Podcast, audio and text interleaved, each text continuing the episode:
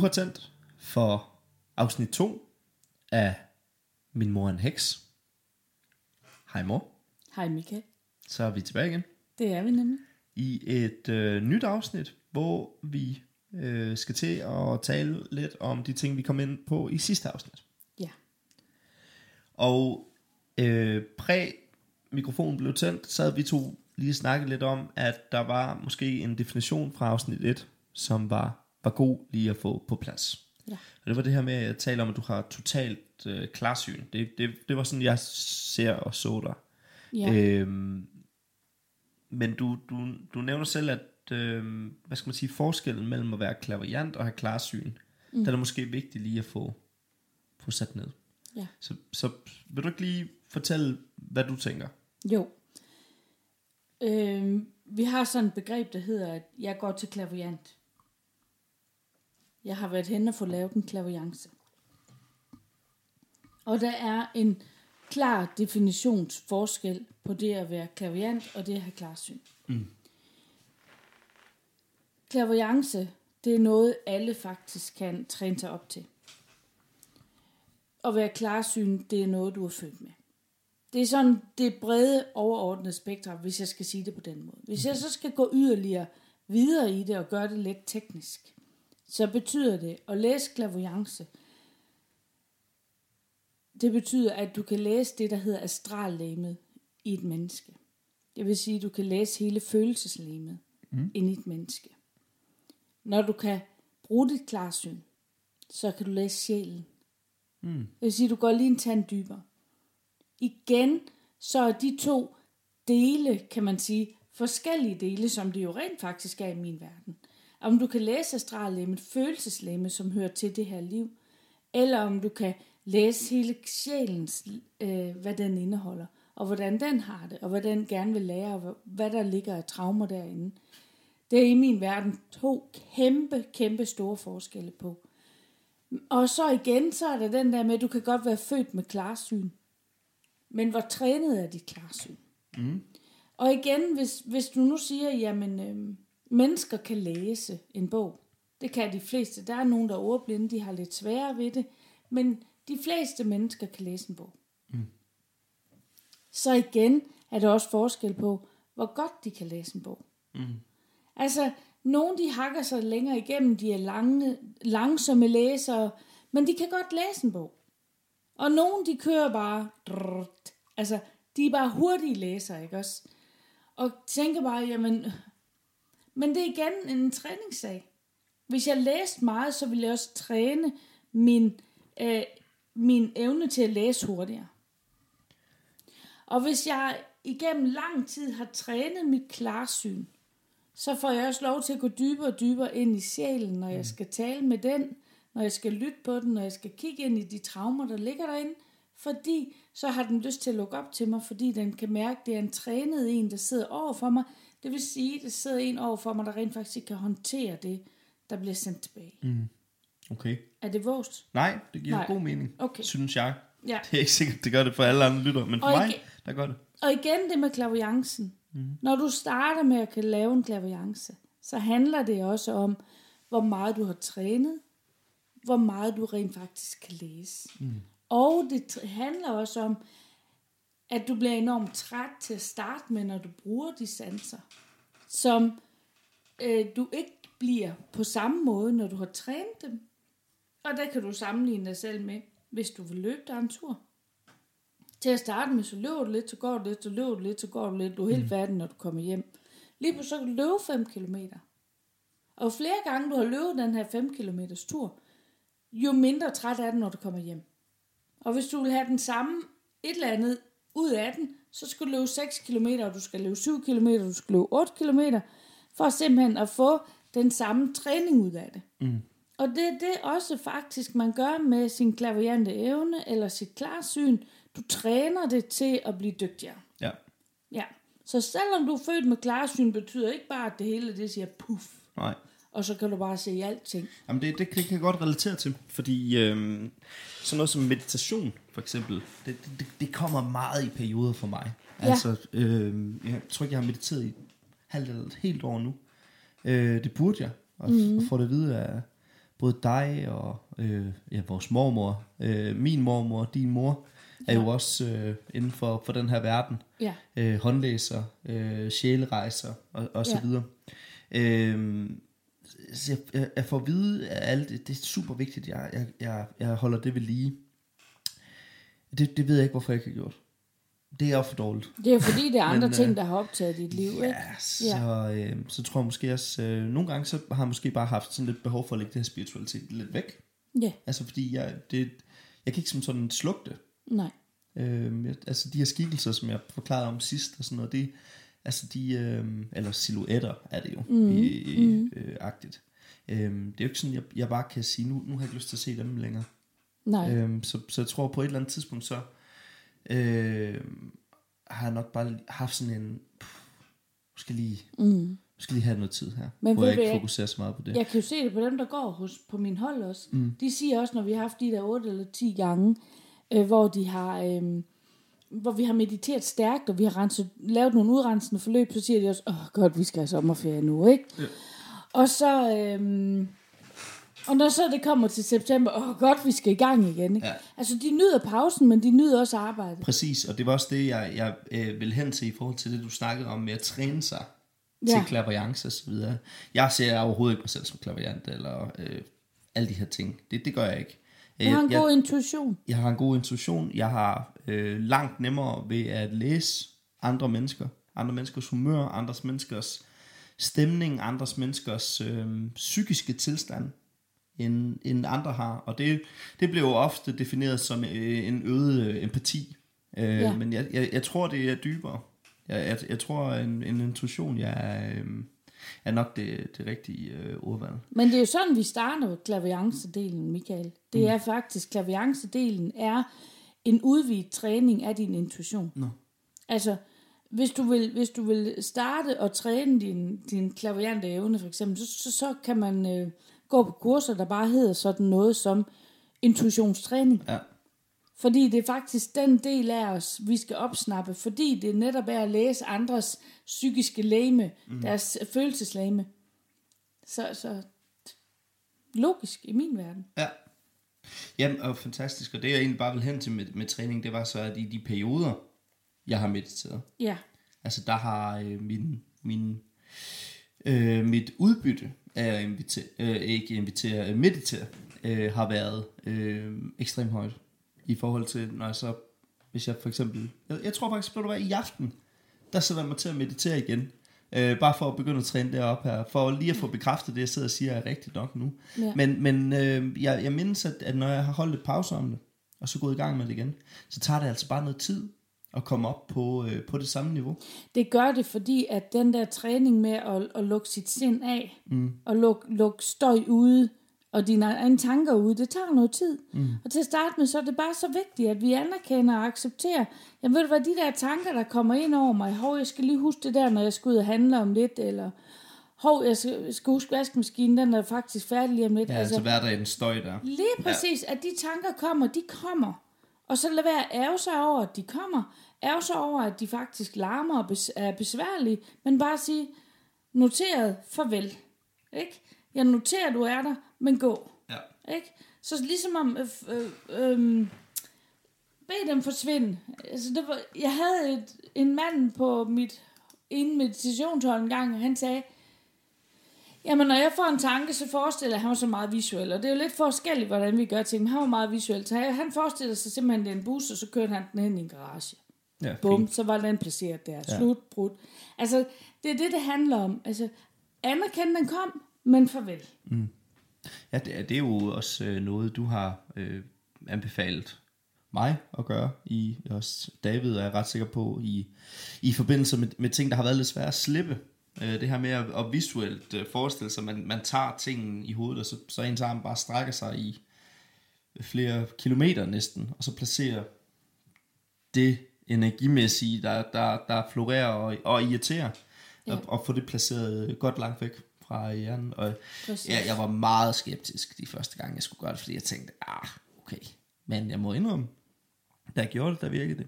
Og jeg må indrømme, at sådan hjernen generelt set, og, og alle de, alt det psykologi, jeg mere og mere begynder at lære om, det, det, det overrasker mig, at det ikke bliver taget mere seriøst, øh, altså mindfulness og, og spiritual. Jeg, jeg er glad for at se, at, det, det, altså, at der er flere, Det er heldigvis stærkt på vej. Ja, det er det. Ja.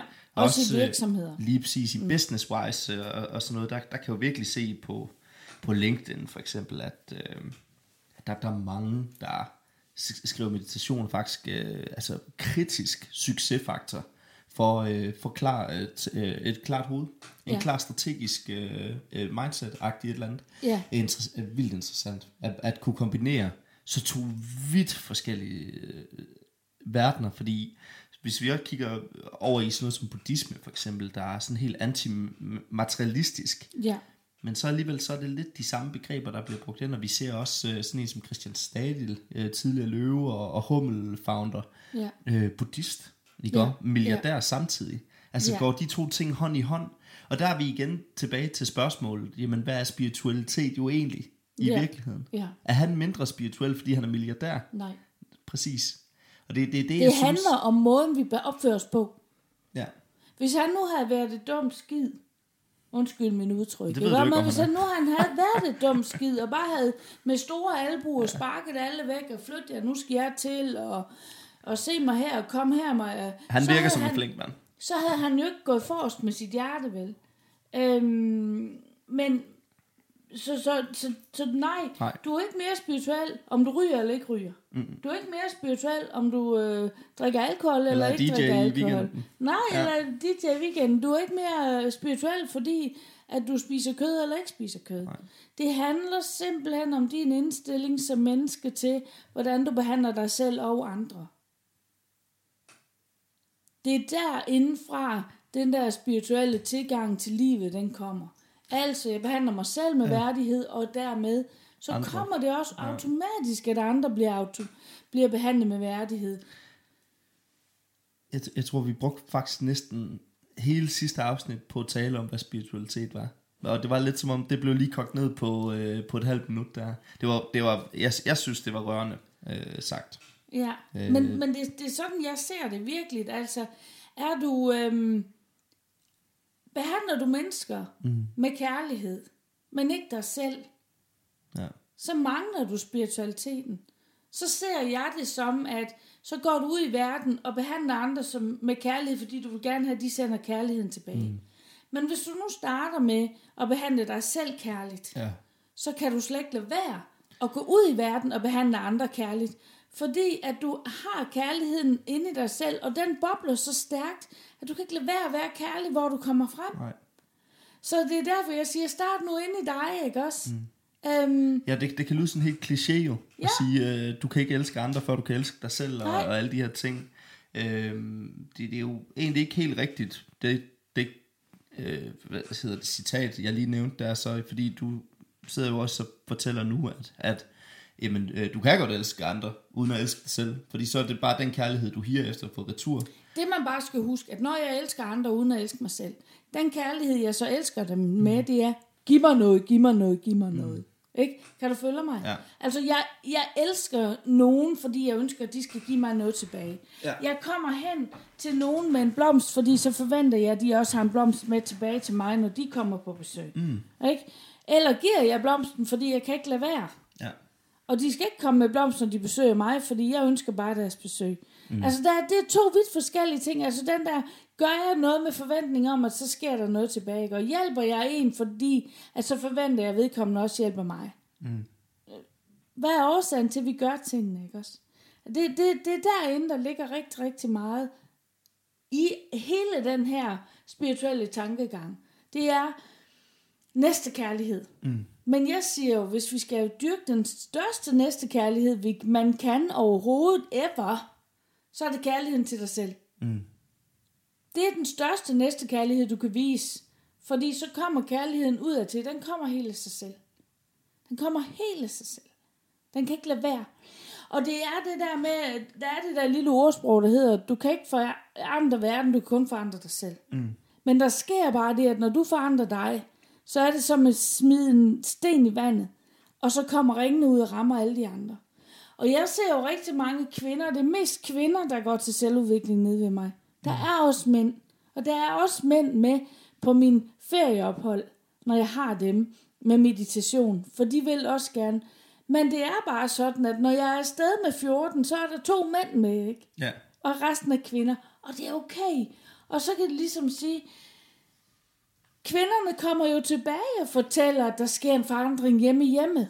Mm. Der sker en forandring med deres mand. Nogle tænker måske, jamen hvis jeg forandrer mig så meget, eller udvikler mig så meget, jamen så er jeg nødt til også at slippe mit parforhold. Jeg er nødt... Nej, det sådan ser jeg det slet ikke. Jeg ser det som, at når du forandrer dig, og du får en dyb ro ind i dig, så får dem omkring dig faktisk det også. Mm.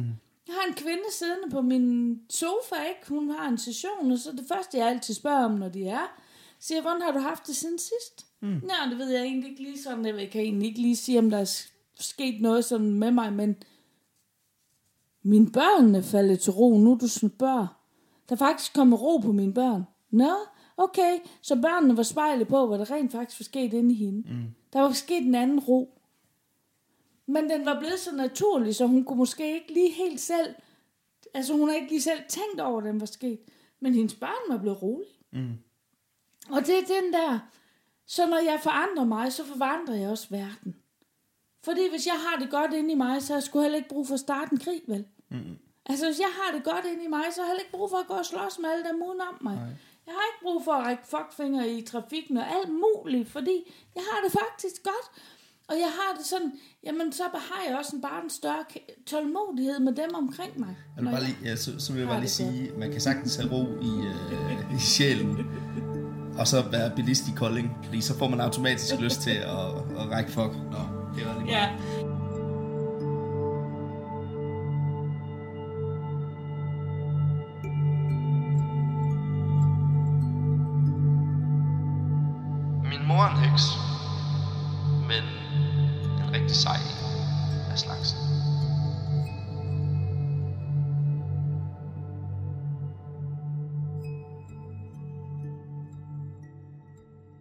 Det vi også har talt om, at vi skulle øh, snakke lidt om i det her afsnit, det var øh, det her med øh, dit liv med engle og spøgelser.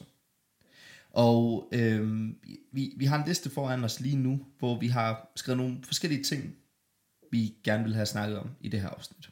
Det første, det var at få defineret forskellen mellem at være klarsynet og klaverant. Ja. Og den synes jeg, vi, vi har dækket meget godt nu. Ja.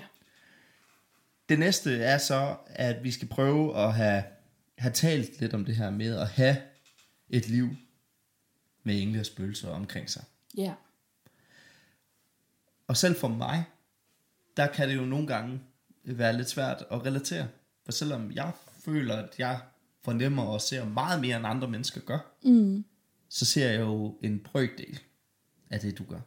Mm. Og jeg sidder og smiler lige nu, fordi det, det, øh, det er jo lidt tilbage til det, men det har aldrig været farligt i vores familie.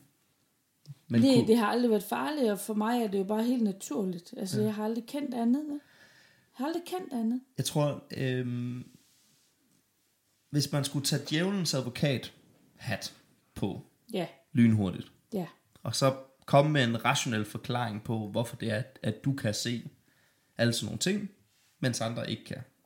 Så kunne jeg forestille mig, at der var nogen, der kunne finde på at sige noget ala.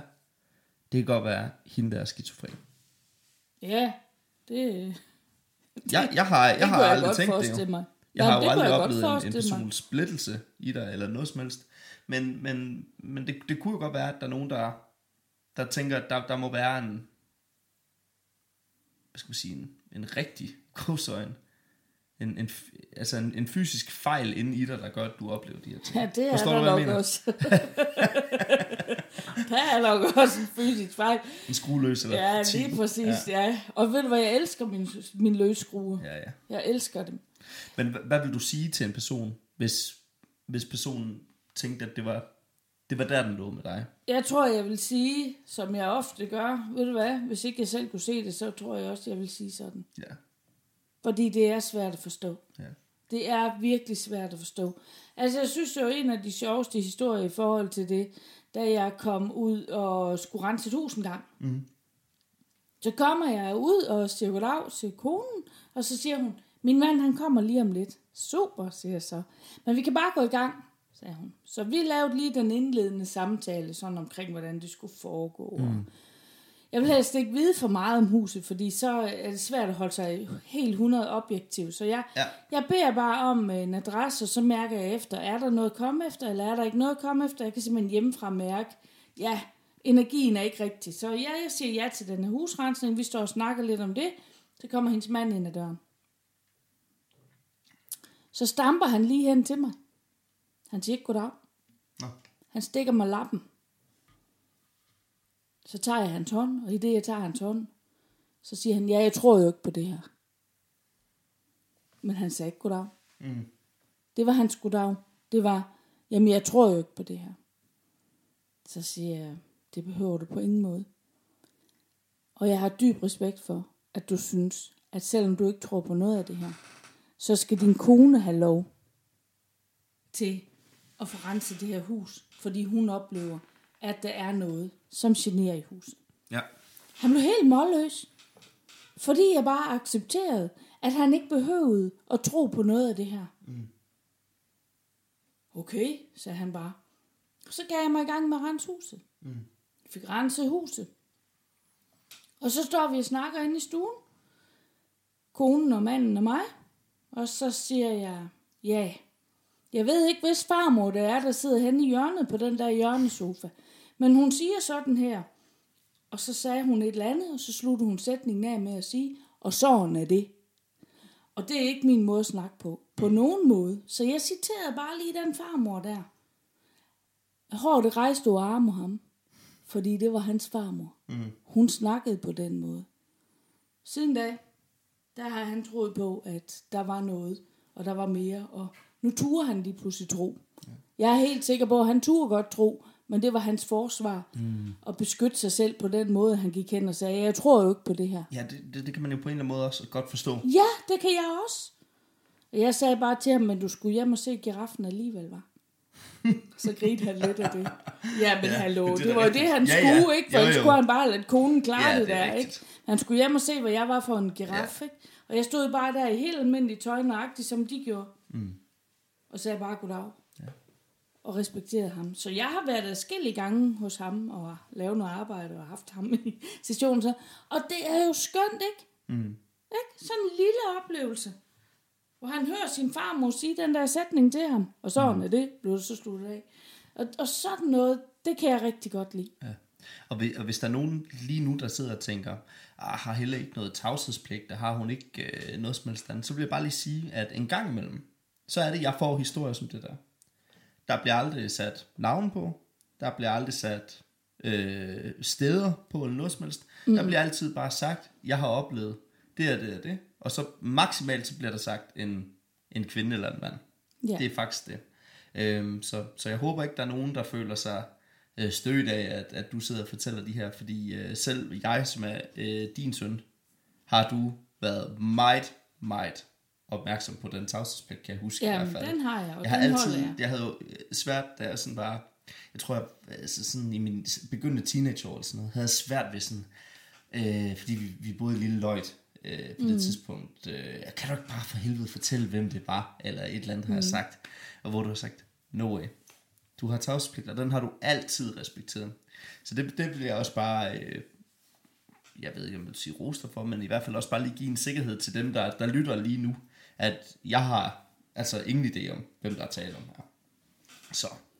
Øhm, men ja, øh, og det er, jo, det, er jo, det er jo lige præcis grundet sådan nogle historier, som du giver nu, her med den her farmor, der sidder i, i, i sengen og alle de her ting, at jeg øh, også synes, den her podcast kunne være rigtig sjov. Fordi det er jo sådan nogle historier, jeg plejer at få.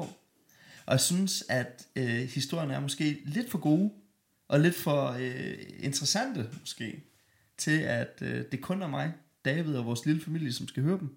Så jeg synes, det er dejligt at, øh, at du vil øh, åbne lidt op og, og på åben mikrofon fortælle lidt om... Øh, Men jeg tager det jo heller ikke så højtidligt. Altså, når jeg er ude i hus, jeg, jeg tager det jo ikke så højtidligt. Altså, det, det, ja, når jeg er ude i Rens hus, så har jeg jo, så har jeg ærgænglen Michael med.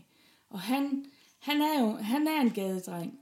Og det, det, det, det tror man måske ikke, at de kan være de der engle, der kommer, at de sådan kan være, være skøre og fjollede. Og, men han er ikke andet. Og det er jo fordi, at han vil jo gerne, han vil gerne med hele hans øh, kontakt til menneskeheden og, og dem, der nu kan have den kontakt med ham, der vil han gerne sprede det her liv og den her glæde, fordi at menneskeheden gør livet alt for alvorligt. Mm. Så han kommer jo og skør og fjollet, ikke? Mm. Øhm, når nogle gange kommer han ind ad døren, sådan lige i sidste øjeblik, bare for at være åndssvag, og ligesom sådan, det hele det flyver bag ved ham. Huh, har jeg nået det. og, og i hans verden er der jo ikke noget, der hedder tid. Altså når du snart taler om den åndelige verden, der er ikke en tid, der er bare et begreb om, øh, øh, at, at noget sker. Der, der er ikke den der tidsfaktor, som vi har her. Nu ja, har vi klokken 13, så har vi et møde her og laver Præcis, podcast. eller præcis, noget. Ja. ja. Vi laver bare podcast i dag. Ja. Det er sådan, Ja, det er deres, eller hvad? præcis. Okay. Altså der, der er ikke øh, også det der med, om der går to år, eller 10 år, eller 20 år, eller 40 år. Der, der er det begreb, det eksisterer ikke. Den, det begreb, der eksisterer, det er det der, ting sker, når ting er klar. Ja. Der er ikke mm. den der, sådan, og det er også derfor, når mennesker går til klaviance eller håndlæsning eller et eller andet, og så har fået at vide, at om så og så lang tid, der sker det og det. Uha, den er så svær, den der med tidsbegrebet, fordi ja. at sjæleligt og det fysiske liv, der er der de der to vidt forskellige øh, tidsbegreber, eller kan man sige, den ene har ikke det tidsbegreb, og den anden har. Så derfor, det er måske rigtigt nok, at du har fået at vide af din klaviant, at øh, du får dit hus solgt der og der. Men så er det måske to år efter. Ja. Ikke? Hvis der nu bliver sagt, dem hen over efter, og der får du solgt dit hus. Mm.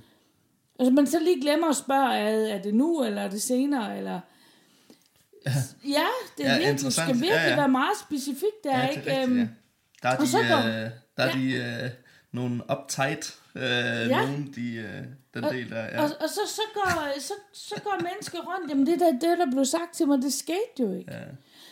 Men hvis vi nu tager tidsbegrebet ud, og så kigger, så sker det egentlig faktisk øh, typisk som regel, men hvis vi bare er åben for, at øh, det måske går lidt tid, inden, mm. inden det sker. Nu øh, nævnte du selv Ærkeengel Michael. Ja. Hvem er han? Um, ja, hvem er ærkeenglen Michael? Ærkeenglen Michael er en af de, de store ærkeengle, Michael, øh, ærkeengle, der har en, en, en stor, stærk power i forhold til at have mange kræfter. Altså, der er meget forskel. Nogle, nogle ærkeengle, de har sådan en meget, meget fin, vibrerende, øh, healende power. Mm. Og ærkeenglen Michael, han har også en stærk healende power, men det er med sådan en øh, robust kraft på en eller anden måde. Det er derfor, han kan hjælpe med at rense husene, for den der store, tunge, kraftige energi, der skal løftes ud af sådan et helt hus fra mange liv, der har levet derinde, den skal der virkelig... Altså, jeg føler, når jeg renser sådan et hus, tit, når jeg kommer hjem, jeg skal hjem og ligge på sofaen, jeg er træt. Jeg har brugt, som at være i motionscenter, virkelig har knoklet, jeg bare siddet på en stol, ikke? Jo. Og det virker mærkeligt, men han har den der virkelig stærke, robuste power, som, øhm, som der skal til, når det er noget, der er meget fastlåst, og noget, der er meget øh, kompleks, der skal arbejdes med. Mm. Så er der andre, jeg kan absolut ikke navne på alle de der ærgængne, men mange kender navnet ærgænglen Rafael, for eksempel. Og det er virkelig bare sådan en ærkeengel med sådan en petit, fin, lækker, blød energi. Sådan virkelig. Mm. Og, og, og hvad er så den? Jamen, den er virkelig sådan en kærlighedshilende, omsorgshilende energi. Øh, den ærkeengel kommer med. Ja. Øh, så der er meget, meget forskel på poweren, de indeholder. Og hvis ikke der var det, så var der heller ikke brug for så mange forskellige. Men det er fordi, at, at der nede i menneskeheden er mennesker med forskellige vibrationer inde i sig. Og ergo, hvis de skal have noget hjælp, så skal de have den der forskellige vibration ned i sig. Ja. Ja, Det tror jeg lige, vi skal uddybe så. Hvor- Hvordan kan mennesker have forskellige vibrationer i sig? Øh, det kommer an på, hvor mange traumer du har liggende inde i din krop. Traumer, de fastlåser, og så bliver det meget massivt. Mm, Og det behøver jo ikke kun være fra det her liv. Det, det Nej. kan sagtens... Altså Ja. alle de liv sjælen så Ja. har oplevet. Jeg tror på, at vi har levet før, og jeg tror på, at vi kommer til at leve igen. Altså, jeg tror på hele reinkarnationstanken, og det er jo den, jeg arbejder ud fra. Holder man aldrig op med at leve så? På et tidspunkt, så er du så udviklet som sjæl, at du nok ikke skal inkarnere på jorden mere. Mm. Men så kan det være, at du bliver opgraderet til at være en af de helende engle, der kan, kan hjælpe udefra. Mm. Um, men Er man aldrig færdig?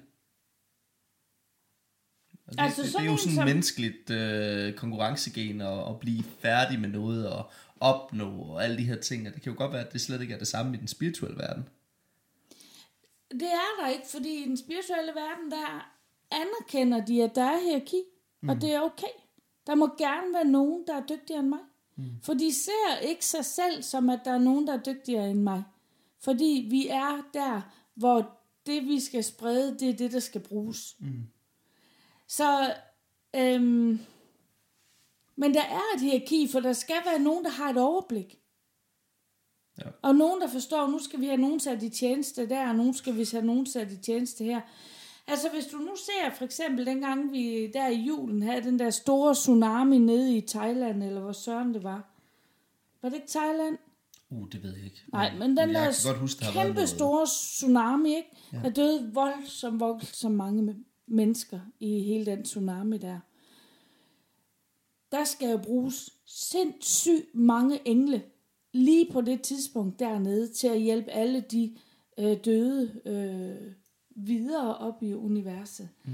Og de kommer med en helt speciel energi, og de kommer med en helt speciel mission, og de kommer med en helt speciel healende power for at, at gøre det her stykke arbejde. Og så er der andre, der, der er andre engle, der har et overblik over, jamen prøv at se, vi skal have så mange engle sendt ned og gøre det der stykke arbejde, vi skal. Så det, det er lidt ligesom en virksomhedsstruktur. Ja, jeg skulle lige Der til er at sige... bare ikke noget, der hedder misundelse. Nej, jeg, jeg skulle lige til, at sige- til at sige, øhm, som en del af min uddannelse, der har jeg jo lige taget projektledelse. Jeg tror, det hed øh, Project Management, og der, der arbejder vi jo lige præcis i alle de ting, som, øh, som du nævner her. Øhm, så, så det er jo ikke... skal Altså, der er det er jo ikke også- begreber, man er, der er uvante. Nej, og der er også noget, der hedder det store hvide broderskab. Det er, altså, det er nærmest som sådan en slags regering Nå, deroppe. Og de har, de har sådan overblikket over hele, hele, hele verdenssituationen. Og over, over, hvad der skal foregå, og hvor der skal sættes hjælp ind, og, og så videre. så hvis der er nogen, der, der, der så sidder og tænker, okay, lad os nu antage, at det eksisterer. Ja, hvorfor sker der så ulykke? Altså, hvad, jeg, jeg, jeg, jeg håber, du forstår præmissen, Ja, men, men nu, vi har nu Rusland og Ukraine situation, Ja. vi har haft noget corona, vi har haft mange andre Ja. ting, og det igen, for lige at tage den der djævelens advokat hat Ja, på, ja. Øh, for den, den vinkel synes jeg også er vigtig måske at Ja. få belyst. ja. Men hvis, hvis du står og kigger på, at nu sker det omkring Rusland og Ukraine, og, og, og det er jo dybt tragisk, og man tænker, hold da op, det er jo fuldstændig unødvendigt. Men hvis du ser på, hvad der sker med resten af menneskeheden, hvordan vi rykker sammen, og hvordan vi bliver næstekærlige, og, og, og, og ønsker, og prøv lige, prøv lige at se, hvordan mennesker de begynder at samle sammen. De, de strikker, og de finder alt deres gamle tøj frem, og, og sender afsted, og, og er kærlige i forhold til alle de her øh, ukrainere, der skal finde steder og, og bo og arbejde. Og, ja. Altså, det, det, der sker noget med, med kærligheden inde i mennesker, når vi gennemgår sådan nogle ting. Mm. Og vores kærlighed får lov til, fordi vi oplever sådan noget, faktisk at udvise sig at blive større. Og vi får, mange for os løftet deres blik lidt væk fra, at verden handler faktisk ikke kun om min lille næste. Mm. Og det er, det er lidt måske, nu er jeg måske, det skal jeg passe på Nej, væk, ja. for nogen på, på nakken her, men det kan godt virke sådan lidt som om vores samfund måske er begyndt at dreje sig lidt rigeligt rundt om min næste. i visse sammenhænge, ikke? Jeg havde en teaterlærer på et tidspunkt, der sagde, at øh, tilbage i 80'erne, der var det som om, de havde en meget vi-generation. Og det er lidt som om i dag, vi oplever en meget jeg-generation. Ja. Øh, men, men altså, ja. ja, ja Og når sådan noget her Ja. sker, så kommer den der vi lidt mere ind. Vi rykker sammen i bussen. Vi skal nok, vi passer mm. på dem, ikke også? Jo. Øhm, så, så, ja, ja, jeg forstår godt, hvad du så, mener. så der er, altså der er meget læring og visdom i forhold til at udleve kærligheden og næste kærligheden, når vi gennemgår sådan noget der. Mm. Det er frygteligt og forfærdeligt at se på, hvad de gennemgår der med alle dem, det går ud over. Men resten af menneskeheden rykker lidt sammen i bussen og får det her løst og kigger på, og jeg vil gerne støtter med nogle kroner her, og vi gør noget. Og penge er også energi. Ja. Så når vi støtter på den måde, så sender vi vores kærlighed afsted til, her er noget, I kan... kan altså, jeg kan ikke gøre meget andet. Nej. Øhm, men jeg kan gennemgå mit tøjskab og se, nu i Børleslev, der har vi jo Ukraine boende på vores nedlagte plejehjem, så det er blevet til et flygtningecenter, ikke? Mm. Så de skriver, nu kommer der nye, er der nogen, der har noget, I kan give? Jeg flyver op i mit tøjskab og kigger, ja. hvad, hvad har jeg? øh, Hvad har vi ingen børn hjemme med? Så vi har ikke noget til børnetøj, vi kan sende sted. Men jeg har da lidt, jeg kan sende om til de her kvinder. Ja. Og, og det gør jeg.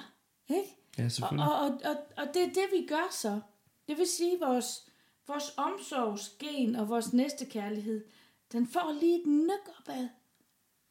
Om ikke andet, så lige for en periode. Ikke? Mm. Og, og hvis du nu kigger på coronaen, fordi den nævnte du også. Ja, og det, det, det der er, inden du øh, nævner noget i forhold til det, så vil jeg bare lige huske folk på, hvor meget folk har sagt under corona, og lige efter corona, set i bagspejlet. Der, det var faktisk rigtig rart, lige at få, en- få et break fra hverdagen. Der er faktisk rigtig, rigtig mange, der har sagt, hold da op, jeg kan egentlig godt savne coronatiden med, at vi ikke skulle så meget. Ja. Og så siger jeg jo typisk tilbage, hvorfor gør du så ikke bare det? Jeg har mange Hvorfor får du ikke bekendte... skruet ned så? Jeg har mange bekendte, som har, ja. Har sagt, øhm, lige pludselig så behøver man ikke sige ja til familiearrangementer. Lige pludselig så, så bare der, altså, Ja.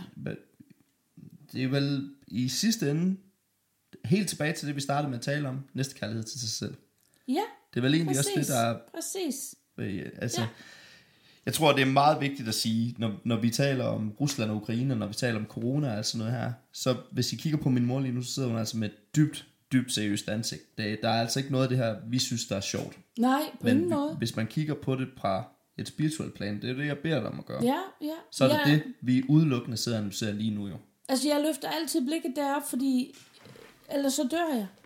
Altså, dør indeni af sorg over det, der sker. Og, og, og det, det skal jeg ikke. Jeg skal ikke dø af sorg over det, der sker. Jeg skal forsøge at forstå, hvad der sker. Mm. Men jeg skal ikke forsøge at forstå det ud fra mine egne følelser.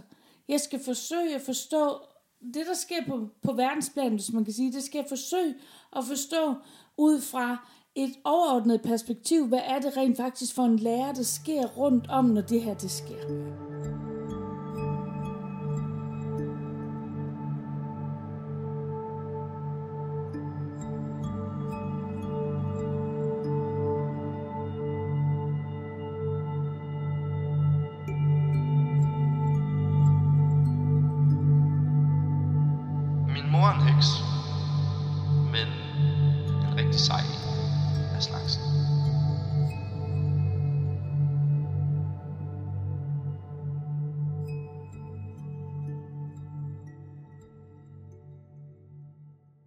Jeg kunne godt tænke mig, at vi lige tog, øh, det er jo ikke, ja, nu sidder jeg næsten og siger sådan noget, som om jeg har været her på podcast, men den er jo, det er jo en fælles podcast, det her. Den hedder Min Mor. Ja, det er er rigtigt nok. heks. Det er rigtigt nok.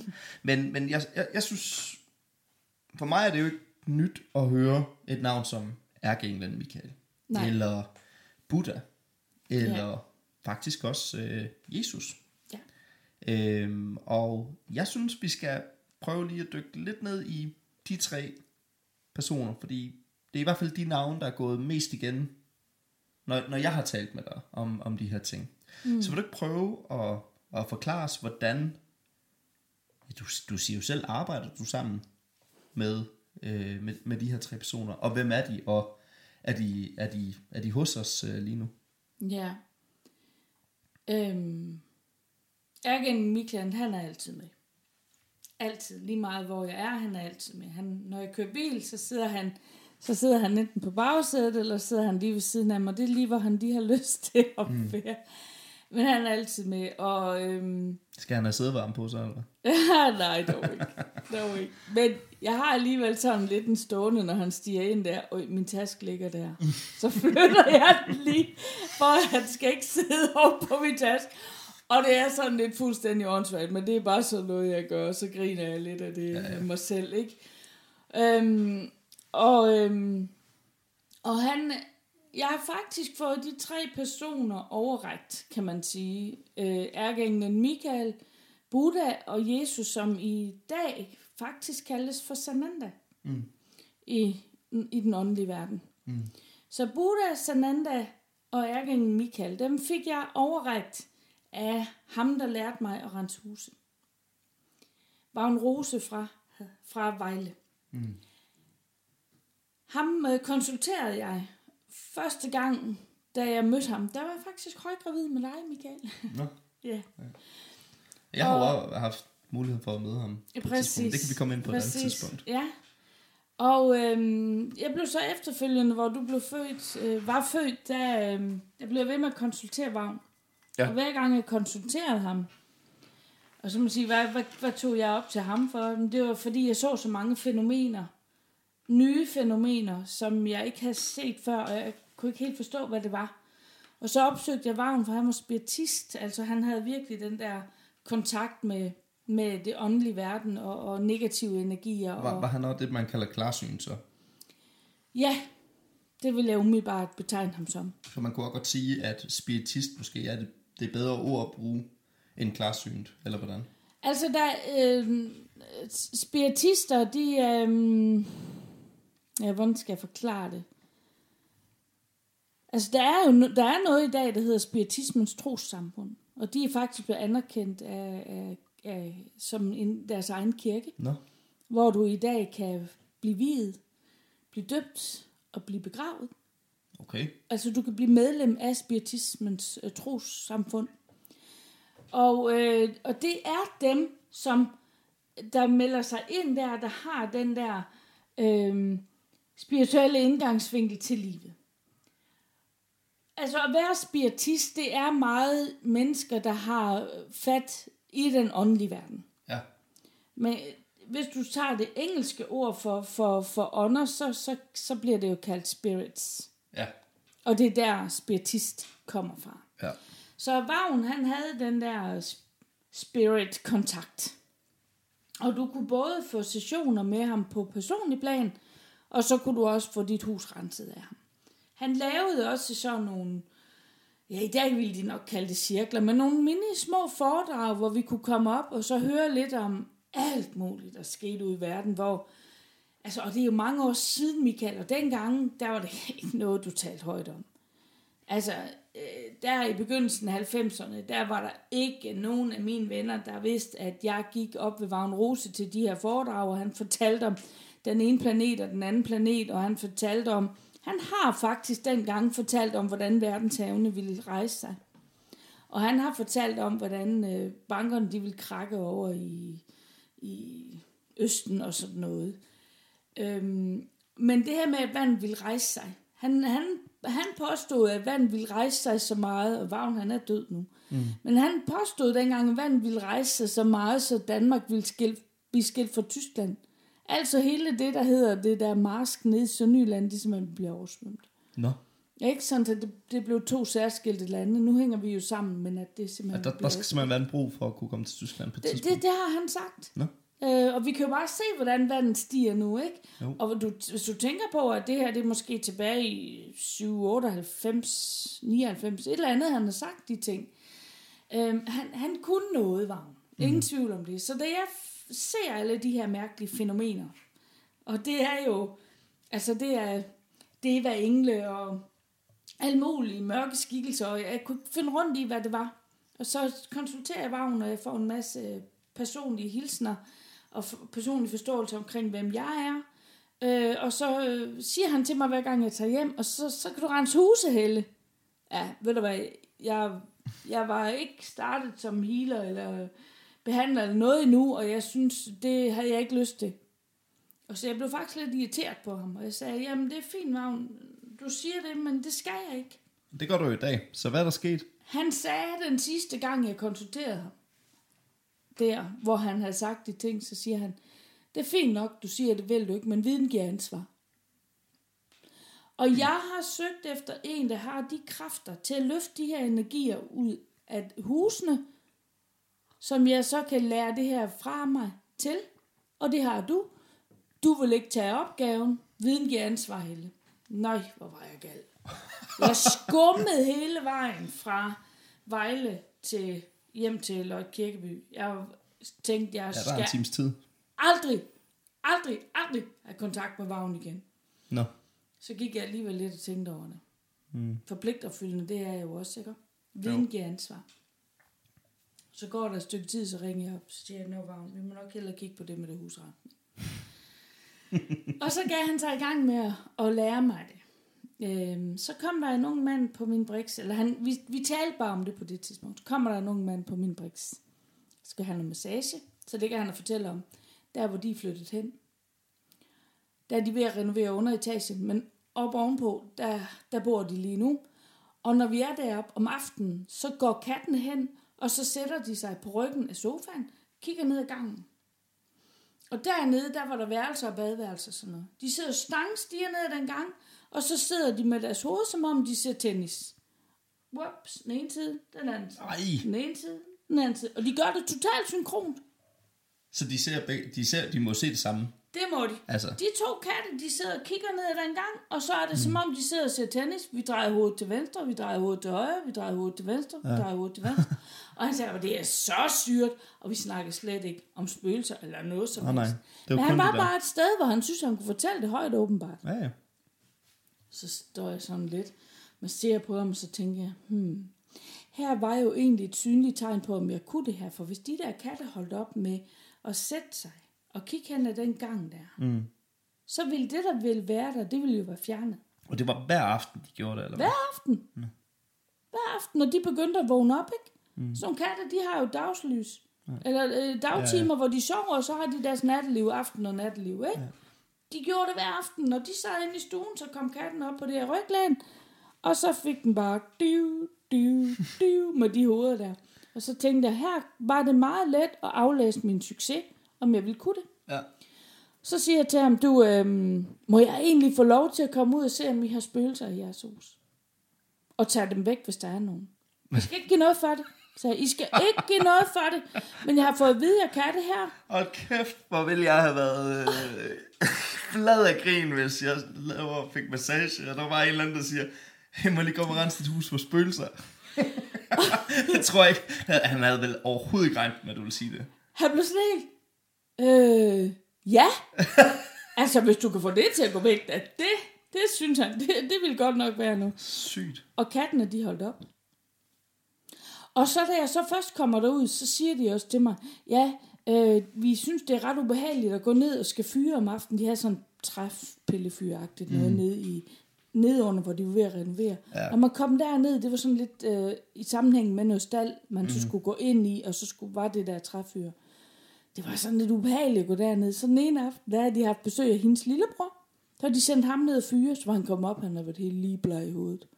Fordi der er stået en, en mand bag ved ham, der havde fyldt træpiller på. Da han vendte sig op, så, så så han ind i hovedet på det her Nej, puha. spøgelsesmand. Ikke? Så han må komme op og få helt lige bleg Ja, satme Og forskrækket, ja. Så jeg var jo nede og kigge på det også. Og der fandt jeg jo så en mand, øhm, der simpelthen var rigtig ondskabsfuld. Altså jeg fik det der billede af, at han sådan gik og slog på dyrene. Og bare fordi, at det, de gjorde ikke noget, men bare sådan, så slog han på en ko her, og sparkede til en kat her. Så ham fik vi også lige styr på, og alle de der forpinte dyr, der var døde i det der, den stald der, fik vi også lige fjernet, og de meldte jo bare tilbage, ja, kattene de holdt op med at sidde og se tennis, og øh, tingene de forandrede sig. Så, Wow. tænkte jeg, så tænkte jeg, okay, Vagn, nu har jeg været ude prøve det. Det, du fortalte mig, det ja. virker. Vi skal mere, Vagn. Hvad er så det næste, jeg skal lave? Og så begyndte Vagn, så siger han, jamen du skal have de her tre mænd, som jeg også arbejder med. Mm. Dem skal du have med i din folk. Og det er ærkeenglen Michael, han tager det tunge arbejde sammen med dig. Så er der Sananda, Jesus, som er den barmhjertige, der henter de her astrallæmer, som spøgelser er. Altså følelseslæme fra en sjæl. Det, han er den barmhjertige, der ligesom siger, kom med mig, mm. kom med mig, du skal med herop. Og så øh, Buddha, han hjælper, øh, han, han er jo sådan en blid, blid, øh, ja, hvordan skal man beskrive ham? Han, hvis du kigger på en Buddha statuet, Jeg tror, du, du plejer at beskrive ham som ydmygheden selv. ja, men det er ordene lige præcis, jeg kunne slet ikke lige finde det. Nej, det, Men det er han. Han er ydmygheden selv. Men han lader Sananda gøre arbejde med at, at, at, at få, få sjælene med sig, eller de der astrallemmer med sig. Mm. Og så tager, han, så tager han, hvis der er flere, så tager han bagtrop og hjælper mm. dem. Og når jeg er ude af rense hus, så ser jeg altid, at, øhm, at de går hen til en trappe, så går de op ad en trappe til en platform. Og så stiller de sig derop. Jesus, Sananda, og de her astrale lemmer, spøgelserne, der skal videre, og Buddha. Ja. Og så vinker de lige til mig, sådan ligesom sådan en lille hilsen. Og så siger det bare, wuff, og så er de væk. Har du nogensinde sådan for sjov prøvet at tage sådan en lille højtaler med, og når du så oplever det, så bare lige spille Stairway to Heaven? Nej, det har jeg ikke. Men jeg er helt sikker på, at ærkeenglen Michael, han ville mure sig. Ja. Ja, de andre ville måske knap så meget. Ej, ja. ja, ja. Men ærkeenglen Michael, han ville mure sig. Ja. Han ville synes, det var hyggeligt. Men, men det er sådan lidt den måde, det foregår, når det er mig. Andre, der renser huse, de siger, at de, de, øh, de, de sk- skaffer en kanal til lyset. Mm. Men hos mig, der, der, der er det den måde, det foregår. Ja. Og når vi så har renset hele den her tunge, tunge energi ud af huset, fordi alle vores skænderier, de klasker, den energi klasker lige ud og ligger så ude på væggene. Mm. Så, så man siger jo, hold, øh, hold skænderierne inden for husets fire vægge, det skal jeg lige love for, for ja. de hænger rundt. Og hvis du så flytter ind i et hus, hvor der har boet andre, mm. så flytter du ind i alle deres negative energier, der hænger klasker ja. rundt på væggen. Jeg tror, vi alle sammen, uanset hvor spirituel man er eller ej, så hvis man har haft et, et højlydt skænderi, eller hvis man har været Ja. ja. sur, eller virkelig vred Ja. et sted, så forlader lokalet, og så kommer ind i lokalet senere, mens man måske er, er, er faldet lidt ned, eller, eller sådan noget. Du kan simpelthen mærke det inde i rummet, stadigvæk. Det vibrerer det. Ja, det gør Ja. ja. det nemlig, og det, Ja. ja. det synes jeg ikke, man behøver at være øh, spirituel, øh, På ingen måde. Eller, eller noget som helst for. Det, det tror jeg sådan er, er almen common sense. Men de Øh, fleste kan jo også mærke, hvis de kommer ind i, i et, øh, altså træder ind i et rum, hvor der er andre. Mm. De kan mærke stemningen. Ja. Øj, her ikke rart. Men det kan rigtig mange også, hvis, hvis du nu, nu har I lige været ude og se lejligheder. Mm. Ikke? Altså, nogle gange så kommer man ind i lejligheden, og egentlig fint, men har ikke lyst til at bo her. Ja. Og det kan være stemningen, som er efterladt der. Ja, Ikke? ja øh, vi var ude se tre, mm. og øh, den, den første, det var faktisk den, vi også helst ville have. Der var vi selvfølgelig lidt, øh, lidt subjektive fra start af, kan man godt sige. Men øh, lejligheden, den var jo i et stort sygehuskompleks. Altså det var som et gammelt sygehus i Horsens, hvor der så er blevet lavet lejligheder, og øh, altså, jeg så heldigvis billederne, før jeg læste teksten. Og billederne, de var fantastiske. Der er et kæmpestort sådan ovalt, øh, halvovalt øh, vinduesparti inde i stuen. Mm. Den er 130 mm. kvadratmeter, og den koster under 8.000. Altså alt spiller bare i den lejlighed til mig og Rikke. Ja. Der er ikke noget der. Nej, selvfølgelig. Men så læste jeg jo et gammelt sygehus, og så ved jeg også godt, okay, Der dør shit, folk på mand. sygehus. Ja, det gør der. Og sygdom, og også som vi snakker om med den energi i væggene der, ikke? Præcis. Men som jeg også sagde så til både dig, da vi snakkede sammen i telefonen, men jeg også sagde til Rikke, fordi Rikke, hun er, også, hun er rigtig god. Hun begynder også lige så stille at sådan tage hensyn til, at jeg kan ikke bare bo sådan et sted, uden at der bliver gjort mere. Mm-mm. Så hun spørger jo også, lige så snart vi har været ude, hvordan synes du energien var? Var den okay? Hvor jeg så svarer, jeg havde faktisk troet, det ville være værre. Ja. Øh, men øh, der er ingen tvivl om, at min mor skal lige forbi og få det renset godt og grundigt igennem, inden ja. jeg skal ind og bo der. Det gør vi. Ja. Ja, det, det, ja, sådan har jeg det med alle. Jeg synes jo, alle skulle sørge for at rense deres bolig, når de flytter mm. ind. Fordi så flytter du ind med, med dig. ja.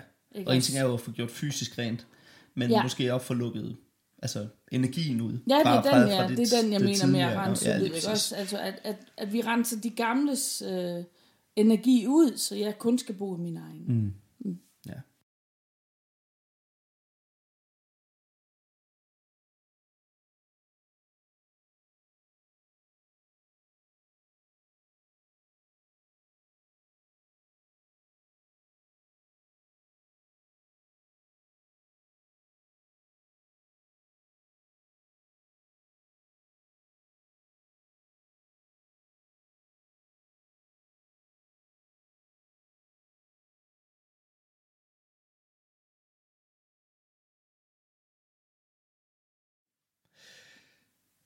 Jeg kunne godt tænke mig, øh, nu, nu har vi talt en del om ærkeengel Michael, og vi har lige forventet Buddha og, og, og Sananda, øh, men lad os lige prøve at, at dykke kort ned i Sananda en gang til. Ja. Prøv lige at fortælle, hvad der gik igennem hovedet på dig, da Vagn Rose siger til dig, at du skal til at arbejde sammen med Jesus slash Sananda. Åh, bare- altså jeg tænkte, puha, var jeg virkelig det værdig? Altså, det, det, var, det var så stort, altså, at jeg skulle, skulle have de tre mænd. Altså, og, og, og nu Sananda, jamen, det var... Jeg, jeg, havde, jeg havde faktisk rigtig svært ved at tage imod det. Øhm, og, og i lang tid, der synes jeg, at det var, det var mig, der arbejdede for dem. Mm. Altså, jeg, jeg var vi- virkelig underdanig. Øhm, Ja, nu er det jo blevet mere sådan et, et fælles samarbejde, kan man sige. Er det ja, ikke vi det? er kollegaer. Ja. Det lyder åndssvagt. Det ved jeg godt. Og lige så når jeg hører mig selv sige det, så tænker jeg også, oh my god, Helle. Men det er vi, og det er dem, der ønsker, at vi skal være det. For som de siger, Helle, vi kan grænse de her hus, uden at du er kanalen, for vi kan gøre det. Mm. Og jeg kan grænse de hus, uden at de hjælper mig med at tage, tage det ud. Mm. Altså uden at, at, uden at Sananda kom, Jesus, og var, er den der barmhjertighed, der, der kan, så kan jeg ikke gøre mit. Øh, så, så vi er afhængige af hinanden på en eller anden måde i arbejdet. Mm. Øhm, så, så, øhm, men det, var, jeg havde rigtig svært ved det. Men jeg har ligget mange gange nede på min knæ i ydmyghed, og det er rent fysisk, jeg mener det. I ydmyghed over, at, øh, at, at det her er mig givet. Mm. Altså, at jeg har fået det her givet. Jeg har aldrig bedt om noget af det. Jeg har aldrig bedt om noget af det, og det er altid, det blevet mig, jeg vil ikke sige, at det blevet mig serveret, men det er kommet til mig, fordi jeg har gjort arbejdet. Mm. Og, og, og øhm, Ja, så har mødt Vagn Rose jo. Altså, ja, at Vagn han ser mig, ikke også? men så spørgsmålet, du så har det bare været held, at du har mødt Vagn, eller, eller har der måske ligget noget skæbne i det år, ikke? Det er helt klart, det er det. Helt klart, det er det. Altså, øh, det var, det var din mormor, der lavede sådan en, en, øh, en, en, en gruppe, hvor Vagn skulle komme ned og, og give personlige beskeder og noget til. Mm. Ej, det ville jeg da også godt være med til. Og jeg sad der med min store mave, jamen det har ikke, det har ikke været, det har været et par måneder før du blev født.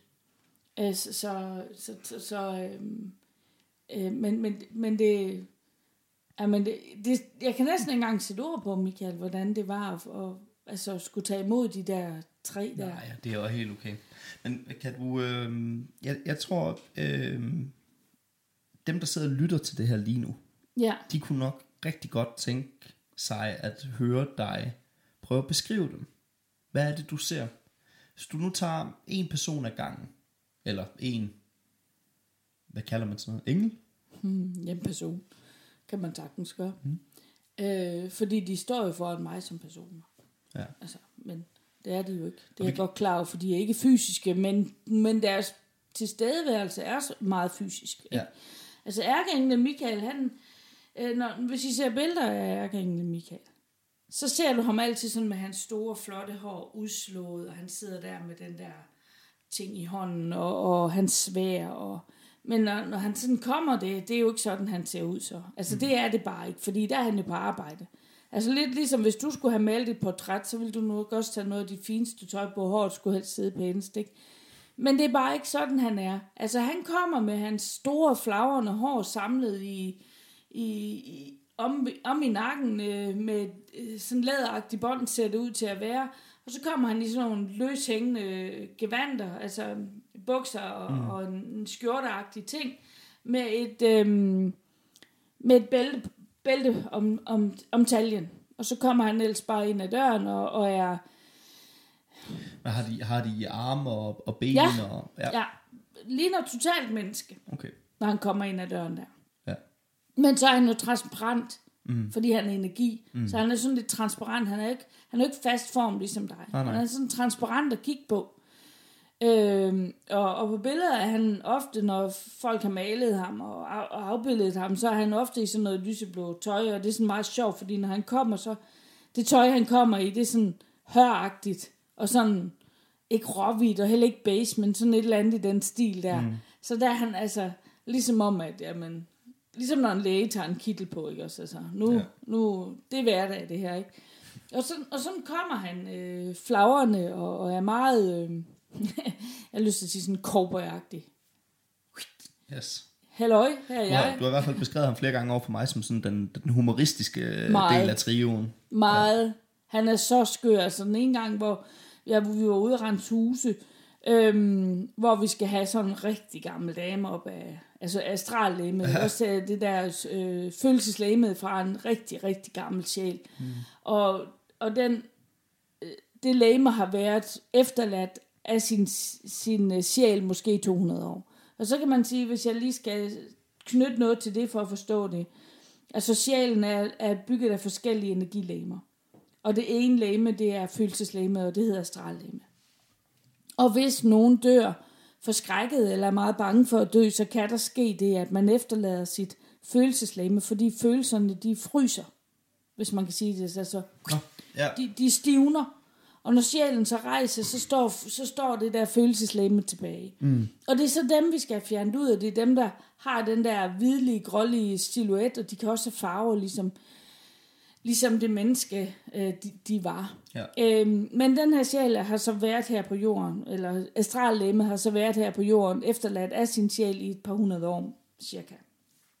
Jeg vil sige sådan, astrallæme, efter at have søgt rundt her i det her hus i et par hundrede år, er meget, meget slidt og meget, meget træt. Og så skal vi have det her astrallæme op ad den her trappe, for at de kan rejse afsted. The Stairway to Den, Heaven. yes, ja. den som jeg beskrev før. Så Sananda tager hende under den ene arm, og Buddha tager hende under den anden arm, for det er virkelig, virkelig, altså kan simpelthen ikke flytte sig selv det her. Mm. Og de skal jo så have det her op ad den her trappe, og som Michael, han er så dejlig humoristisk, så går han lige hen, så sætter han hænderne på bagdelen der, og så skubber de det opad, så drejer han lige hovedet ned til mig, og så siger han, åh, det er gammelt liv. Og, og det, er sådan, det er sådan, det foregår, ikke? Altså, mm. øj, det er gammelt liv. Så skubber han ellers bare på den der bagdel hele vejen op ad trappen. Så. Og ja, man kan tro, at jeg er tosset, når jeg fortæller historierne, men det er sådan, jeg ser det. Det er sådan, jeg oplever det, og det er bare sådan der, jeg står bare og griner. Ja. Ikke? Og, og så, men jeg kan ikke, hvis nu dem, jeg renser hus ved, de sidder ret tæt på, jeg kan jo ikke grine vel. Nej. Så jeg sidder og griner meget inde i mig selv, når jeg er ude og rense hus, fordi mm. Michael, han er meget skør. Han er meget humoristisk. Han løser op på det hele. Han, han opløser en situation, der virker fastlåst og Tung. ja, meget mm. tung. Ikke? Så opløser han den lige ved at sige sådan noget, "Åh, det gammelt liv. Nå ja, så slapper vi alle sammen af, og astrallemme gør egentlig også, og så, ja. og så, så er det lidt lettere at løfte op af. Det var den første. Skal vi gå videre til Sananda? Ja. Øhm, Sananda, han er... øhm, Hvis du ser ham på billeder, så den der... Øh, Han har så sådan lidt langt krøllet hår. langt ikke? krøllet hår og, han, og hans skæg. Øhm, og sjovt, for jeg ser, når jeg ser ham, så har han meget velplejet skæg. Det er ikke sådan noget, der har fået lov at gro. Meget, meget velplejet skæg. Mm. Og igen, han har også samlet sit hår. Mm. Fordi det er meget lettere arbejdsmæssigt at have det samlet. Men han har lidt langt hår. Ikke så langt og stort som ærkeenglen Michael. Øh, Og det er jo lidt sjovt, hvis du slår dit hår ud, så er det jo også sådan noget stort Ja, vildt noget. Ikke? Og der er nogen, der spørger mig, om jeg har opkaldt dig efter ærkeenglen Michael. Mm. Og siger, det har jeg ikke, fordi der var jeg slet ikke på det tidspunkt. Så det er du ikke. Du er ikke opkaldt efter Michael. Navnet blev bare ved med, at ligesom du selv ville hedde det. Mm. Øh, det var det, der blev ved med at gå igen altid, når vi snakkede navne. Ja, tilbage til intuition, ikke? Ja. ja, ja. Præcis. Og Vagn Rosa har også bekræftet, at du har det navn, du havde ønsket at have. Mm. Det har jeg spurgt om ja. dengang. Så Sananda, langt krøllet hår, Ja. velplejet skæg. Jeg sidder Ja, og og tænker igen, lidt han på... kommer også i en buksedragt, og ikke i en kjole. Nej. Jeg sidder og, og tænker lidt på sådan, altså, jeg går ud fra, at de selv bestemmer, hvilken form de Ja. ja. ønsker at fremvise sig for, fordi de er, jo, de er jo energi. Ja, præcis. Øhm, så, så det er vel, fordi de tænker, inde i dit hoved, vil vi gerne have, at du ser os på den og den måde. Nej, jeg tror, det er, hvordan de ønsker at selv at fremstå. Og der er det tydeligt, synes jeg, i forhold til de andre, at Sananda, han ønsker at fremstå lidt mere moderne. Mm. Det kan jeg se i den påklædning, han kommer i. Øh, Det virker sådan lidt, som om han kommer... Det virker sådan lidt mere jeansagtigt og, og skjorteagtigt, det han kommer i. Og, og skægget er velplejet. Og, altså, han, det virker som om, at han gerne vil være lidt mere moderne. Mm. Altså, og jeg tror, det handler om, at han gerne vil, at øhm, menneskeheden stadigvæk skal, skal kunne følge med ham, eller han skal kunne følge med dem. Mm. Øhm, der er mange, der stadigvæk jo tror på Jesus og, og, og ser noget ganske særligt i ham, men de bliver ved med at kigge på ikonerne. Mm. Øh, men han vil bare gerne, han vil bare gerne have, at, at øhm, menneskeheden skal blive ved med at, at have deres evolution og deres udvikling. Og, og som han siger, hvis jeg sk- ønsker, at I skal have den, så skal jeg selv være der også. Mm. Og derfor så gør han det. Fordi han går blandt os. Ja. Meget mere i blandt os, end en ærkeengel Michael for eksempel. Mm. Han går ikke på den måde i blandt alle. Han er en, der har et lidt større overblik. Men så den anden, der går blandt alle, der mm. ønsker hans nærvær. Og, og, og du har sagt til mig før, at, at de, de energimæssigt kan de jo sagtens være flere steder på en gang. Ja, Så spreder de bare lidt energi, der er lidt energi ja. der, så har de muligheden for at, at, at være der, hvor de har brug for at være. Det er det, man kan, når man ikke er fysisk. Ja, spændende. Øhm, jeg mindes også, du på et tidspunkt har fortalt mig, at øh, årsagen til, at han faktisk hed øh, Jesus Kristus Ja. på jorden, mm. det var fordi, at han øh, indeholdte Kristus-energien. Kan du Han var, prøve? ja, altså, øhm, han var sjælen, Jesus, Sananda, mm. der har inkarneret sig ned i en fysisk krop. Altså har taget et liv ned i en fysisk krop. Men det han var kanal for, altså den power, han var kanalen for, altså lidt ligesom når jeg healer, så er jeg også kanalen for en eller anden energi, der går igennem mig ind i et andet menneske. Mm. Og den kanal, som Jesus han var øh, kanal for, er Kristusenergien. Mm. Altså den maskuline del af vores sjæl.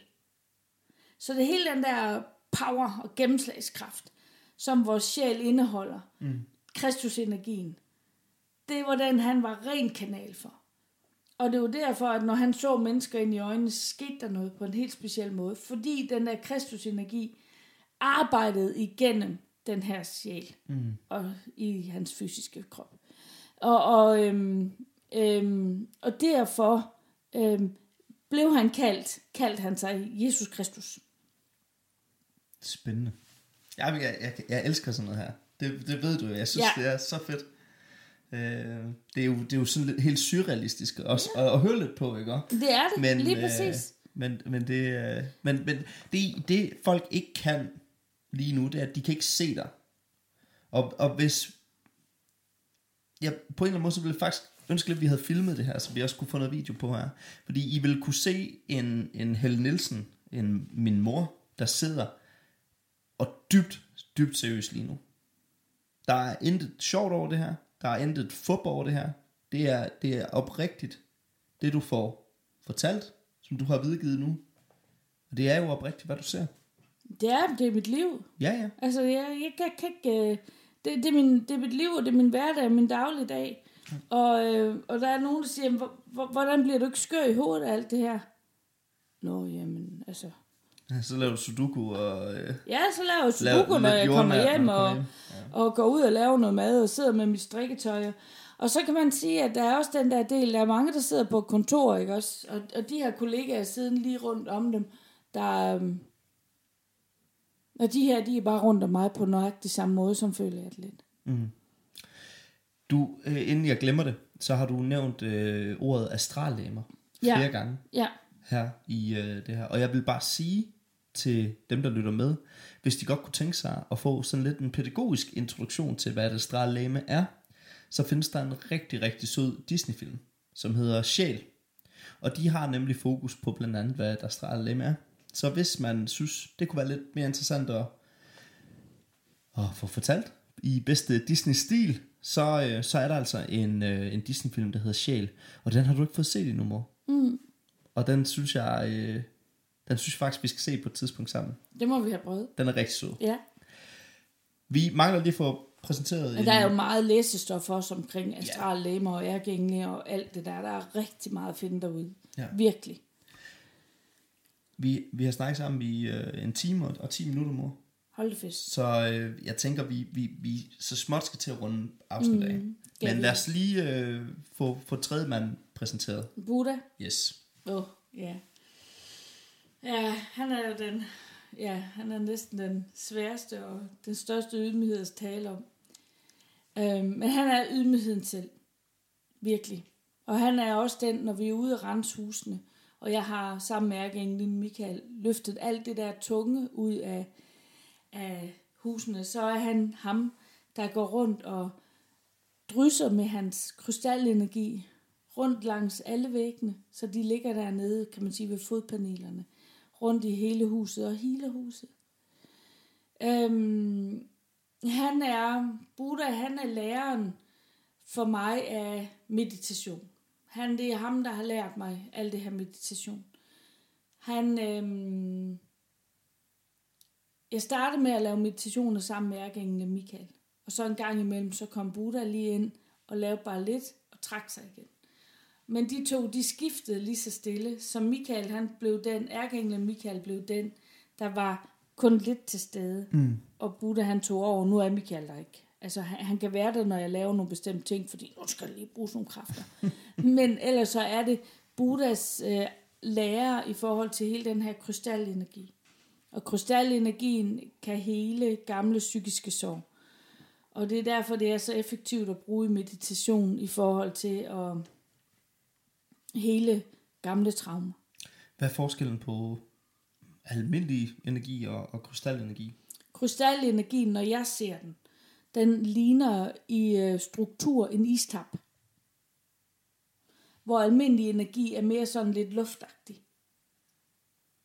Ja, Så krystalenergien er en meget, meget kraftig power, som ligger sig ind i kroppen som en slags depotenergi. Og så ligger den lige så stille derinde og arbejder. Altså ligesom en istap, der stille smelter, mm. ikke? Og til sidst, så er der ikke mere tilbage af den. mm. Så kommer de igen til meditation, så bliver der lagt nye øh, energier ind. Ja. Men, men han... Øhm, der er både... Øh, han, altså hvis, hvis du tager Buddha-figurer, så er de jo både afbildet som, øh, som en lille fed mand, der sidder der. Og, ja det har og du altid en sagt. meget Det er absolut mand. ikke sådan, du ser. Ej, han er meget slank og fin. Han er meget petit i det hele, sådan. Mm. Øhm, men han kommer altså med sådan et indisk øh, klæde på sig. Mm. Rundt om sig, sådan lidt toga Så den er rigtig nok øh, Ja, visualiseret, skulle man at sige. fuldstændig. Okay, Ja, det er den. spændende. Øhm, og han er, han er, han er så mild. Altså, han er så ydmyg, når han kommer. Og, øhm, og så den der hilsen, vi, vi giver, når vi sætter hænderne sammen, og, Ja. og øh, det er hans måde at være på. Mm. Når vi hilser på den måde. Altså, dit lys hilser mit lys, det er det, den hilsen betyder, når vi gør Ja, sådan der. Nærmest øh, min sjæl øh, ser din sjæl. Ja. Ja. Præcis. Det, det var faktisk også noget af det, jeg, jeg ville afslutningsvis have spurgt af, om, om det, altså de her to foldede hænder, hvor man, Ja. man bukker hovedet foran og så videre, Ja. det, det må virkelig være, altså det, det er ikke for sjov, man gør det inden for buddhisme. Altså, Nej, det, det giver god mening nu, jo, Ja. når du så siger, at han er Ja. ydmygheden. ja. Ja. Um, og det er, um, nogle gange tænker jeg, at det er faktisk en dybere hilsen, som at, at give et godt kram. Mm. altså, fordi øh, jeg hilser dig med det, du er, ikke? Altså, et eller Ja. andet sted. Ja, dit lys hilser mit lys, mm. ikke også? Og lys, så kan man sige, åh, nu blev det lidt heldigt igen, ikke? Ja, men vi bærer jo et lys ind i os. Altså, det skinner ind i os. Øh, og det er den kærlighed, vi bærer derinde. Mm. Så min kærlighed hilser din kærlighed. Øh, Sådan kan vi også lave det om til. Ja. Øh, øh, men han, han øh, jamen, hvis du kan forestille dig, der, der kommer sådan en, en meget forsigtig mand ind, og er meget, altså står der med sin ydmyghed, og, og, og bare hilser på, og så han så lige folder sig ud, så er der en power, der simpelthen kan få stearinlysene til at stå og blafre. Og jeg mm. ved ikke, altså, der, der er bare en... Øh, man tænker, kan, kan sådan et lille, fint, petit væsen virkelig gøre alt det? Og ja, det kan han. Han har virkelig blæst mig bagover mange gange. Og nogle gange så tænker jeg, at det skal meget til, for at jeg egentlig bliver mundlam. Mm. Og det er, når min mund først den starter med alt det her, så er det nogle gange svært at stoppe, og det kan du også se på længden af det afsnit, ikke? Jo. Men... Jeg, jeg, jeg tror, vi bliver nødt til at lave sådan en barndomsland part 2. Øh, at det simpelthen bliver øh, afsnit 3, fordi vi havde jo egentlig tænkt os, at vi lige skulle vende os din barndom. Ja. Og den øh, synes jeg, vi måske skal starte tredje afsnit med at, øh, at tale om så. Ja, var en god idé. Fordi øh, nu skal vi to have noget frokost. Det skal vi nemlig. Og så, øh, så tænder vi mikrofonen igen om en halv times tid, men for lytterne, der vil det så være afsnit 3. Ja. ja. Tak for nu, mor. Til tak, Michael. Min mor